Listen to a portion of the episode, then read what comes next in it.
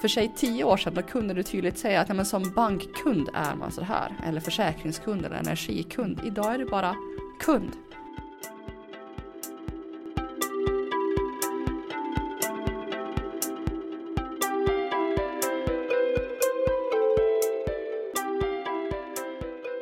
Hej och varmt välkomna ska ni vara till ett nytt avsnitt av den här podden som heter Framtidskraft. Jag heter Karin Bordén och jag jobbar på Jämtkraft. Och jag heter Daniel Lövstedt. Idag så ska vi få veta massor om energikunderna.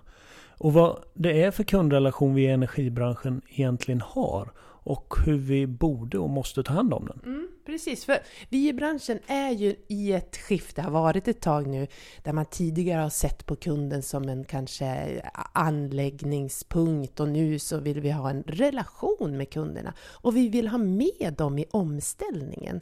Så det här med, med hur vi ska göra det, hur vi ska nå dit, vilken relation vi kan, kan skapa med kunderna har vi funderat över ett tag.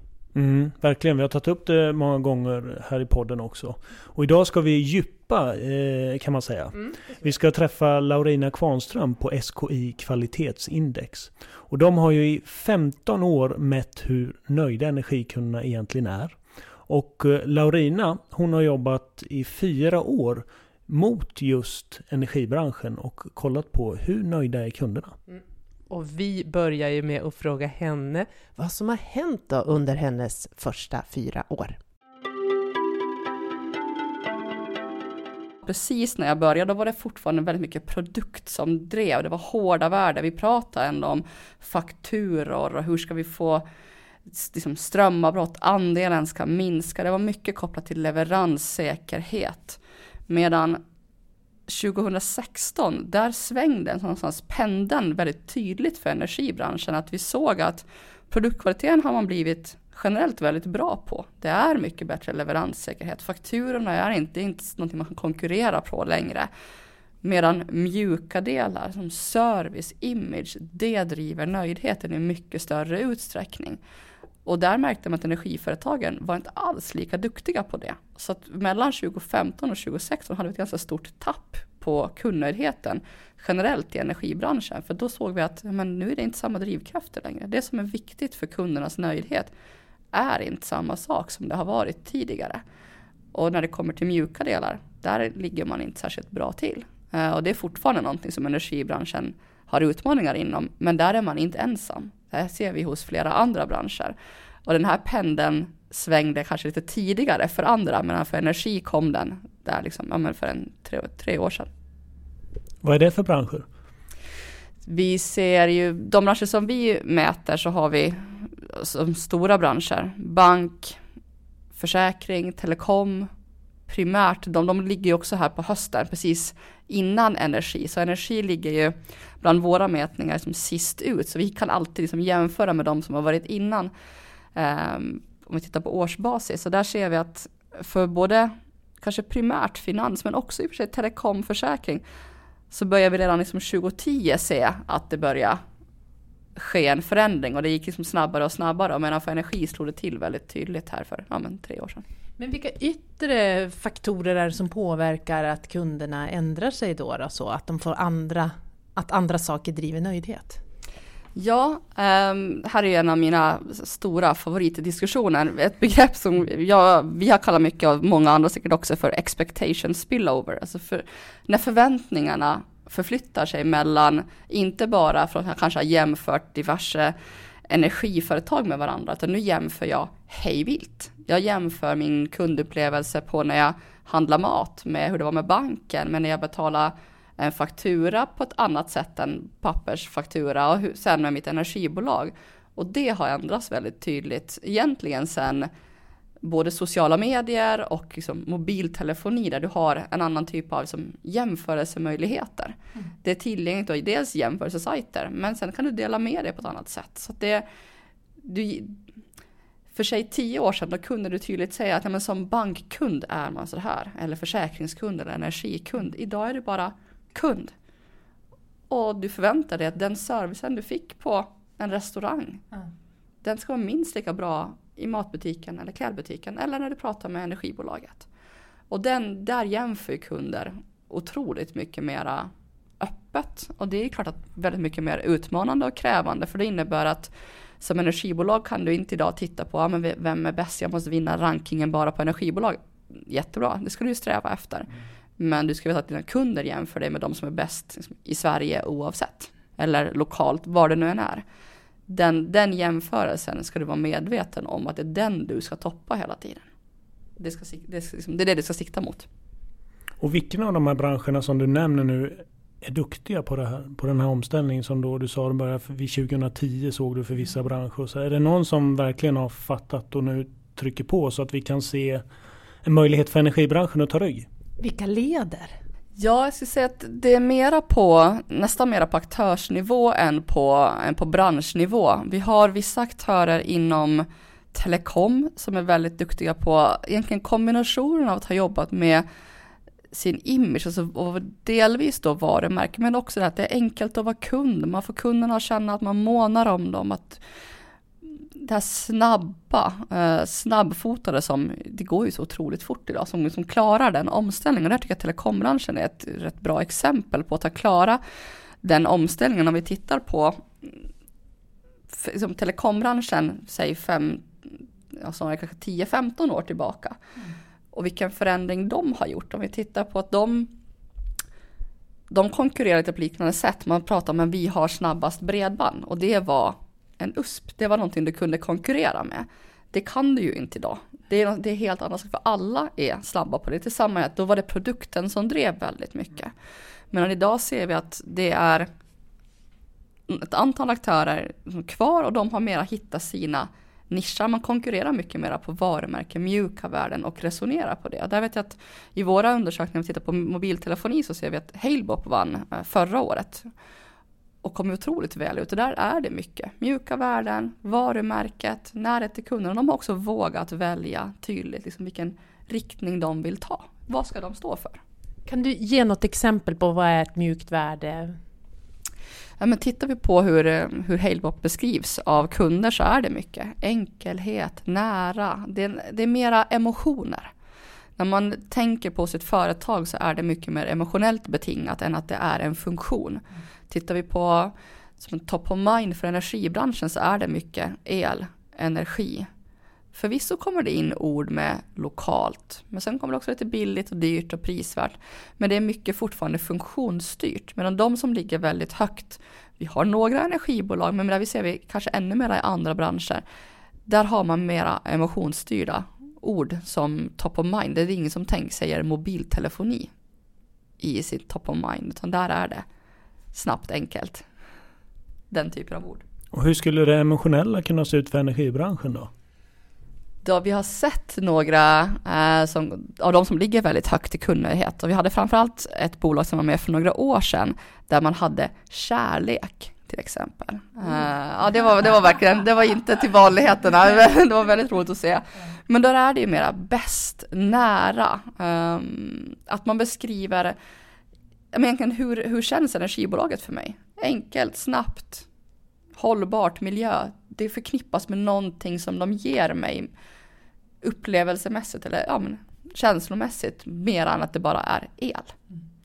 Eh, och de som sagt, de finns, men jag tycker det vi ser om vi tittar på föregående års mätning, så av de som ligger högt uppe i nöjdhet i, i våra undersökningar, då är det ändå mycket lokalt. Av energibolagen? Av energibolagen. Mm. Tack. Um, det är mycket lokalt.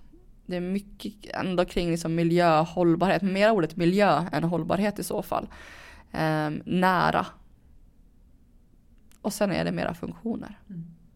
Men vad behöver, vad behöver då energibolagen göra för att eh, nå dit de här bästa inom telekom då som du nämnde nyss? Mm. Eh, vad skulle vi behöva liksom fundera på? Jag tror en viktig sak som vi ser för energibranschen och som generellt viktigt framåt, det är ju att någonstans skaffa starka, unika varumärken att sticka ut. Jämför vi energibolag med varandra idag, säg att man skulle sätta, nu finns det hur många som helst, men säg att man skulle sätta en, en stor del energibolag liksom bredvid varandra så skulle många kunder inte veta skillnaden mellan dem, för man har ganska liknande profil. Uh, för några år sedan var det en USP att prata miljö och hållbarhet. För det gjorde inte jättemånga då. Mm. Eh, idag gör ju jag kan inte säga att jag, jag tittat igenom varenda en profil, men väldigt många pratar om det på något sätt. Men hur sticker man då ut? Vad är det, ska alla göra allt? Mm. Troligtvis inte, för det är kostsamt och alla kan inte göra allting. Men att där våga välja, för det är det vi ser med liksom vissa telekombolagen, de går inte på att de ska kunna allting, utan man hittar vad är det, vad är det som är liksom våran, våran nisch, vad är det vi sticker ut på? Och att för energibolagen också att våga säga att, men, säg att vi jobbar med hållbarhet. Måste man då jobba med alla delar? Ska det vara ekonomiskt, ekologiskt, socialt eller är det någon av de delarna vi går ut med? Och vilken riktning vågar vi ta då? Vågar vi sätta ner foten? Eller vågar vi sticka ut hakan med att vi vill driva hela branschen mot förändring? För vi har ju de aktörerna som de facto tar, upplever jag i alla fall, att vill ta ett väldigt stort samhällsansvar i att vi vill förändra energibranschen och gärna vill involvera hela branschen att våga mera sticka ut hakan, särskilja sig och det ser vi är en framgångsfaktor för egentligen alla branscher vi mäter. Unikitet. Vad tror du det beror på att eh, vi har svårt att välja ett spår utan att vi vill vara överallt? Dels tror jag att det är lite, nu drar jag alla energibolag över samma kant, men om jag nu ändå väljer att göra det så är det ju en, ett annat tempo i energibranschen historiskt som jag inte ser att man riktigt har kommit ifrån. Det är, det är väl en av de, ska säga, fördomar jag hade från början som jag tycker nog ganska mycket har besannats i att det är kanske inte alltid så snabbt. Det är mycket vi ska titta på och göra ett projekt och sen så får vi se när det blir av. Fortfarande ganska mycket silotänk. Jag tycker mig ha sett under de här fyra åren flera bolag från när jag träffade dem första gången för fyra år sedan till nu. Att man säger men målet är att man ska tänka mycket mera helhet. Ett bolag, en kund, vi ska inte hålla på att dela upp oss. Um, men det är långt ifrån alla som ett har klarat av det eller som har kommit i mål med det och då är det, tror jag mycket också tempot, att det blir, man lyckas kanske inte riktigt varva, varva upp ordentligt och sen att um, våga testa mera. Man tror, jag tror inte man riktigt har den det är inte det DNA energibranschen har, att nu kör vi igång, vi bara testar det här projektet, våga testa. Och tittar vi på till exempel Halebop igen, eh, ja, mm, ja, men när man lyssnar på någon berätta så är det ju mycket så ja men nu ska vi bara köra det här. Någon hade en idé, nu testar vi. De gör säkert inte allting de gör, men av det jag har hört så finns det liksom också nästan så här ryggradsreflex i att hela tiden liksom hålla ett ganska högt tempo, våga framåt. Kunden sa det här, då måste vi göra det. Men när jag träffar energibolag så är det många som säger, ja men det här är jättebra, det, det här ska vi nog göra.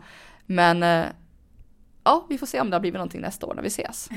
Att det finns en annan, ett annat tempo i kroppen, i, i, som, i organisationen, organisationskulturen. Och det är klart, det tar ju ganska lång tid att förändra.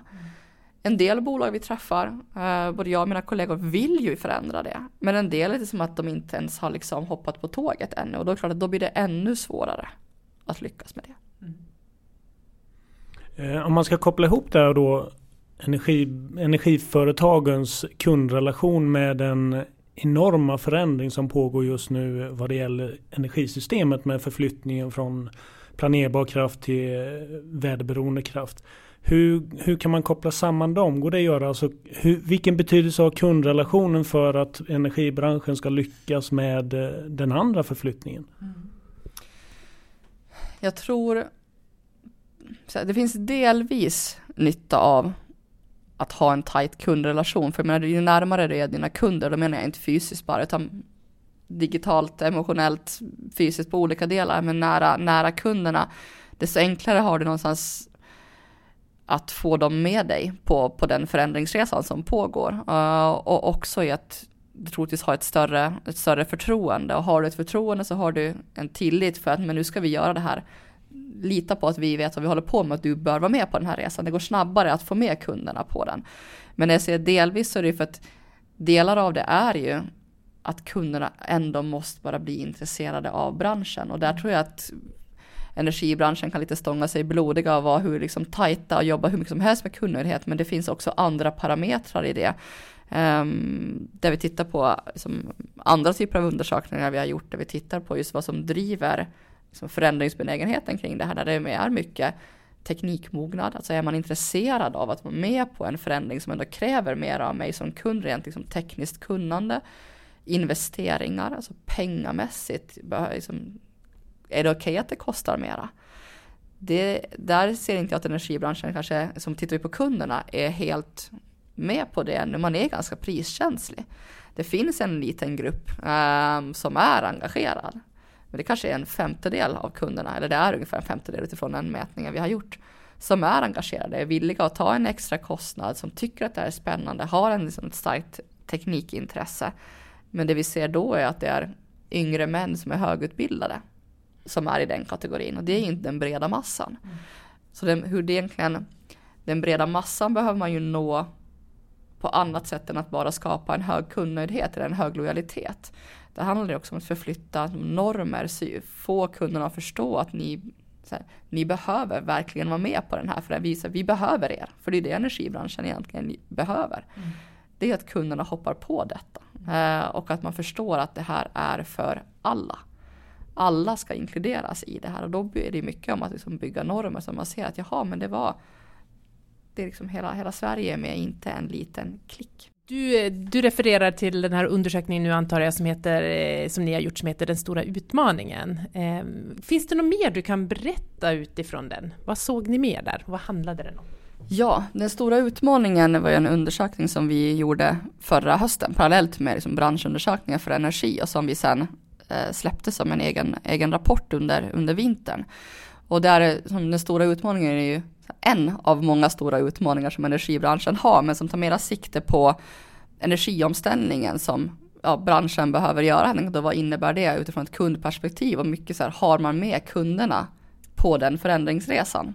Um, och det vi ser det finns tre saker som är väldigt tydliga och viktiga för energibranschen att ha med sig framåt utifrån det här perspektivet. Det ena är att det behöver bli mycket enklare för kunderna att förstå varför ska jag bli så mycket mer delaktig, engagerad i den här förändringsresan. Varför ska jag bli en prosument?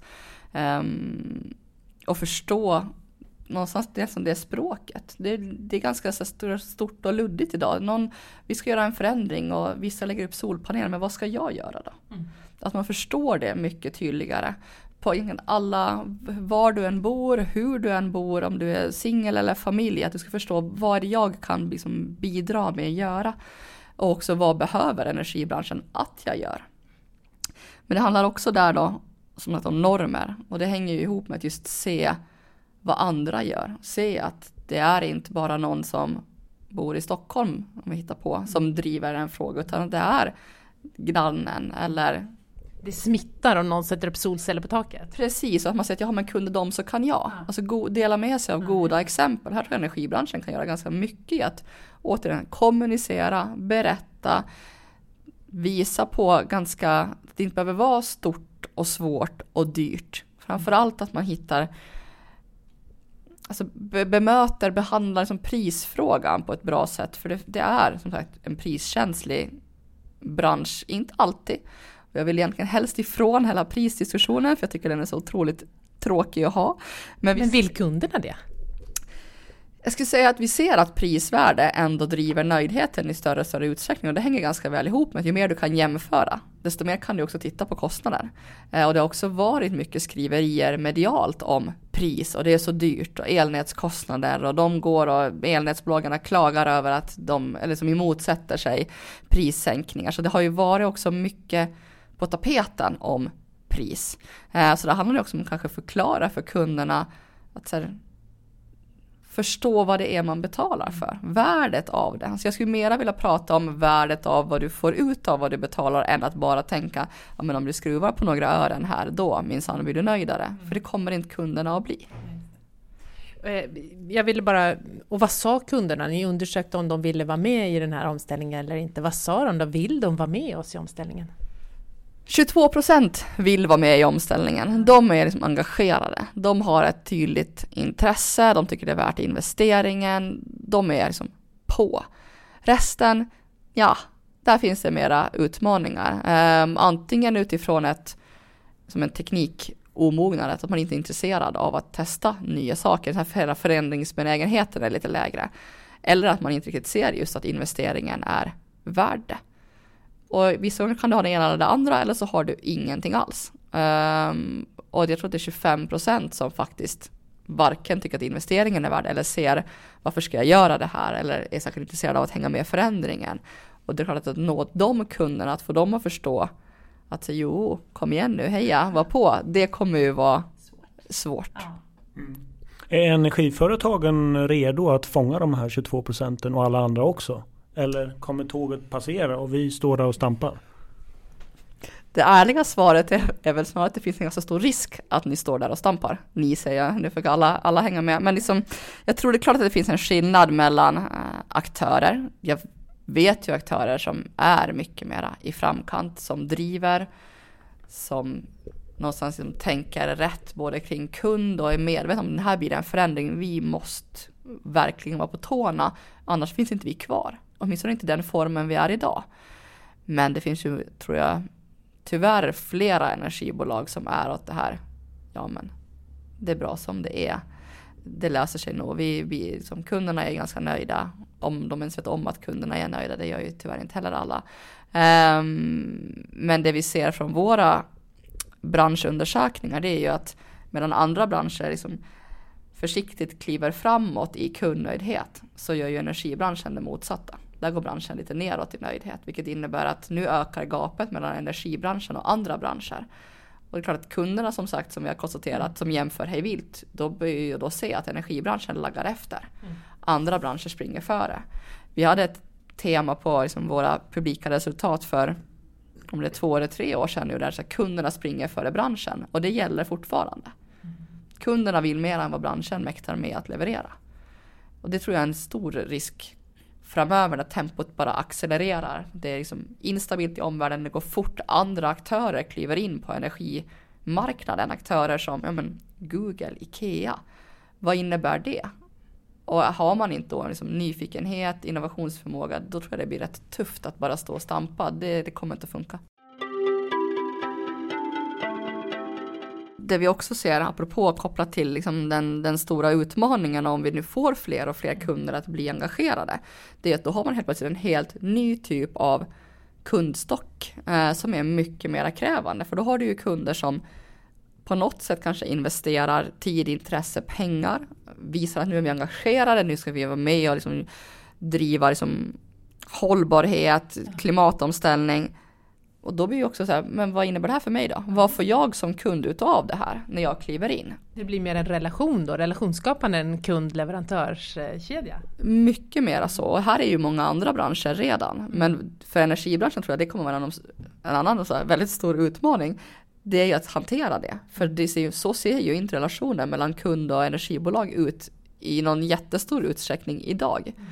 Och det kommer den att behöva göra i framtiden. Och är man då redo för det, Nej, det tror jag faktiskt inte att de säger jättemånga är. Det finns säkert undantag, men den stora massan definierar inte kundrelationen på det sättet. Realistiskt, hur, hur ser det ut om tio år?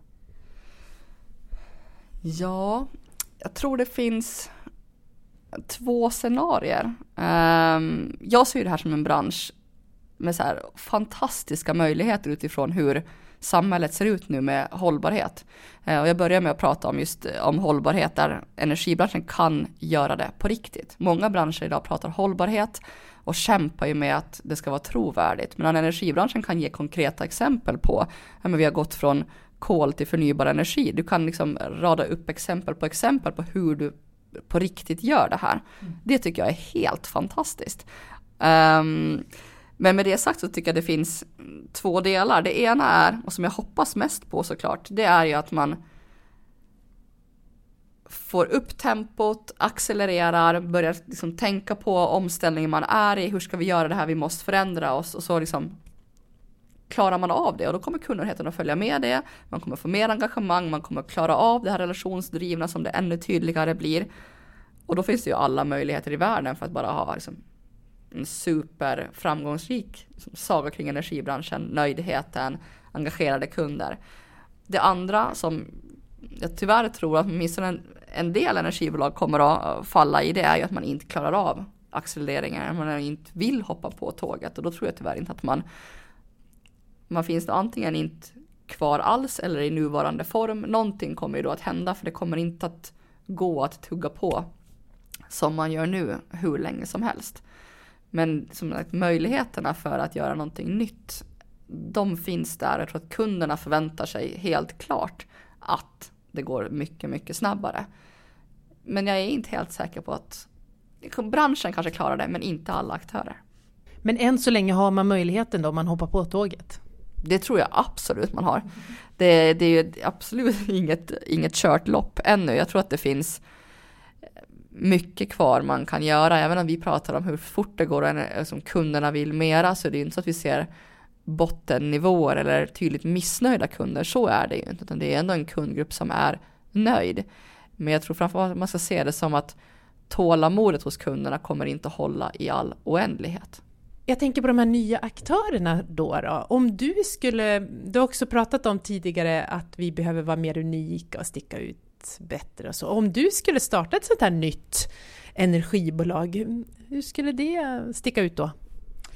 Ja, det var intressant och, svår fråga. Um, ja, men några nycklar om jag skulle ha med mig, det är ju ett liksom, det emotionellt styrda. Jag skulle gärna ha ett top of mind som är kärlek. Oh. Eh, fint, så här, lite fluffigt. Eh, men också så här, startup känslan på bolaget, alltså tempot som jag nu associerar med startupbolag. Ett, ett annat DNA än vad energibranschen i, i stort idag har. Eh, för det tror jag är ett, ett måste eh, och en konkurrensfördel. Det låter superhärligt. Jag hoppar på det energibolaget direkt. Ja, det är bra. Min första kund. Tusen tack Laurina för att du var med här i podden Framtidskraft. Tack så mycket.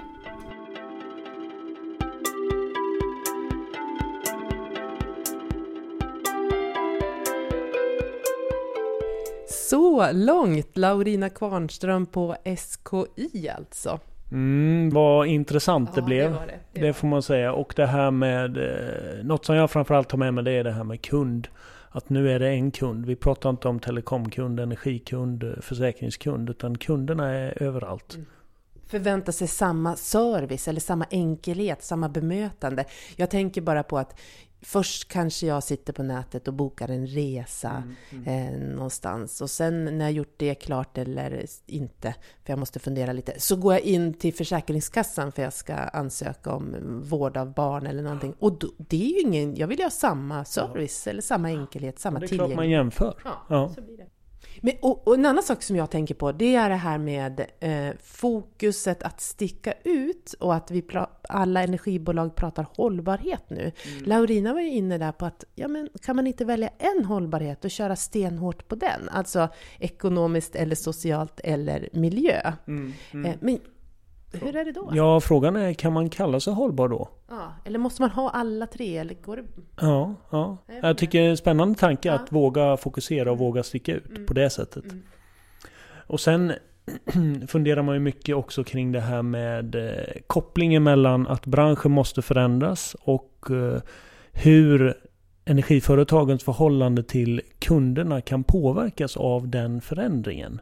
Eh, och där ser man ju att ändå 22% var intresserade mm. av att vara med och bidra. Var inte det överraskande? Som prosument eller någonting? Ja, men exakt. Jo, jag tycker också det var en hög siffra. Jag hade inte förväntat mig det alls. Nej, eh, och sen kan man ju då slås av eh, att branschen är, som hon säger och som vi hört många gånger, den är seg och den är trögrörlig och sådär.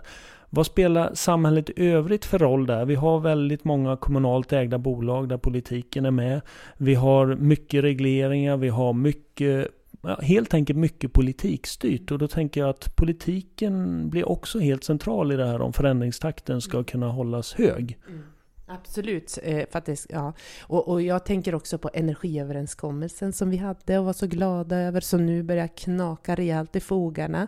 Och Greta och den rörelsen kräver ju att politiker ska vara tydligare, hårdare, snabbare, fastare. Så att, mm, ja, mm. mm vi står nöjda. Men det här med också när vi får de här 22 procenten som snart blir 50, det kommer bara smälla till. Mm.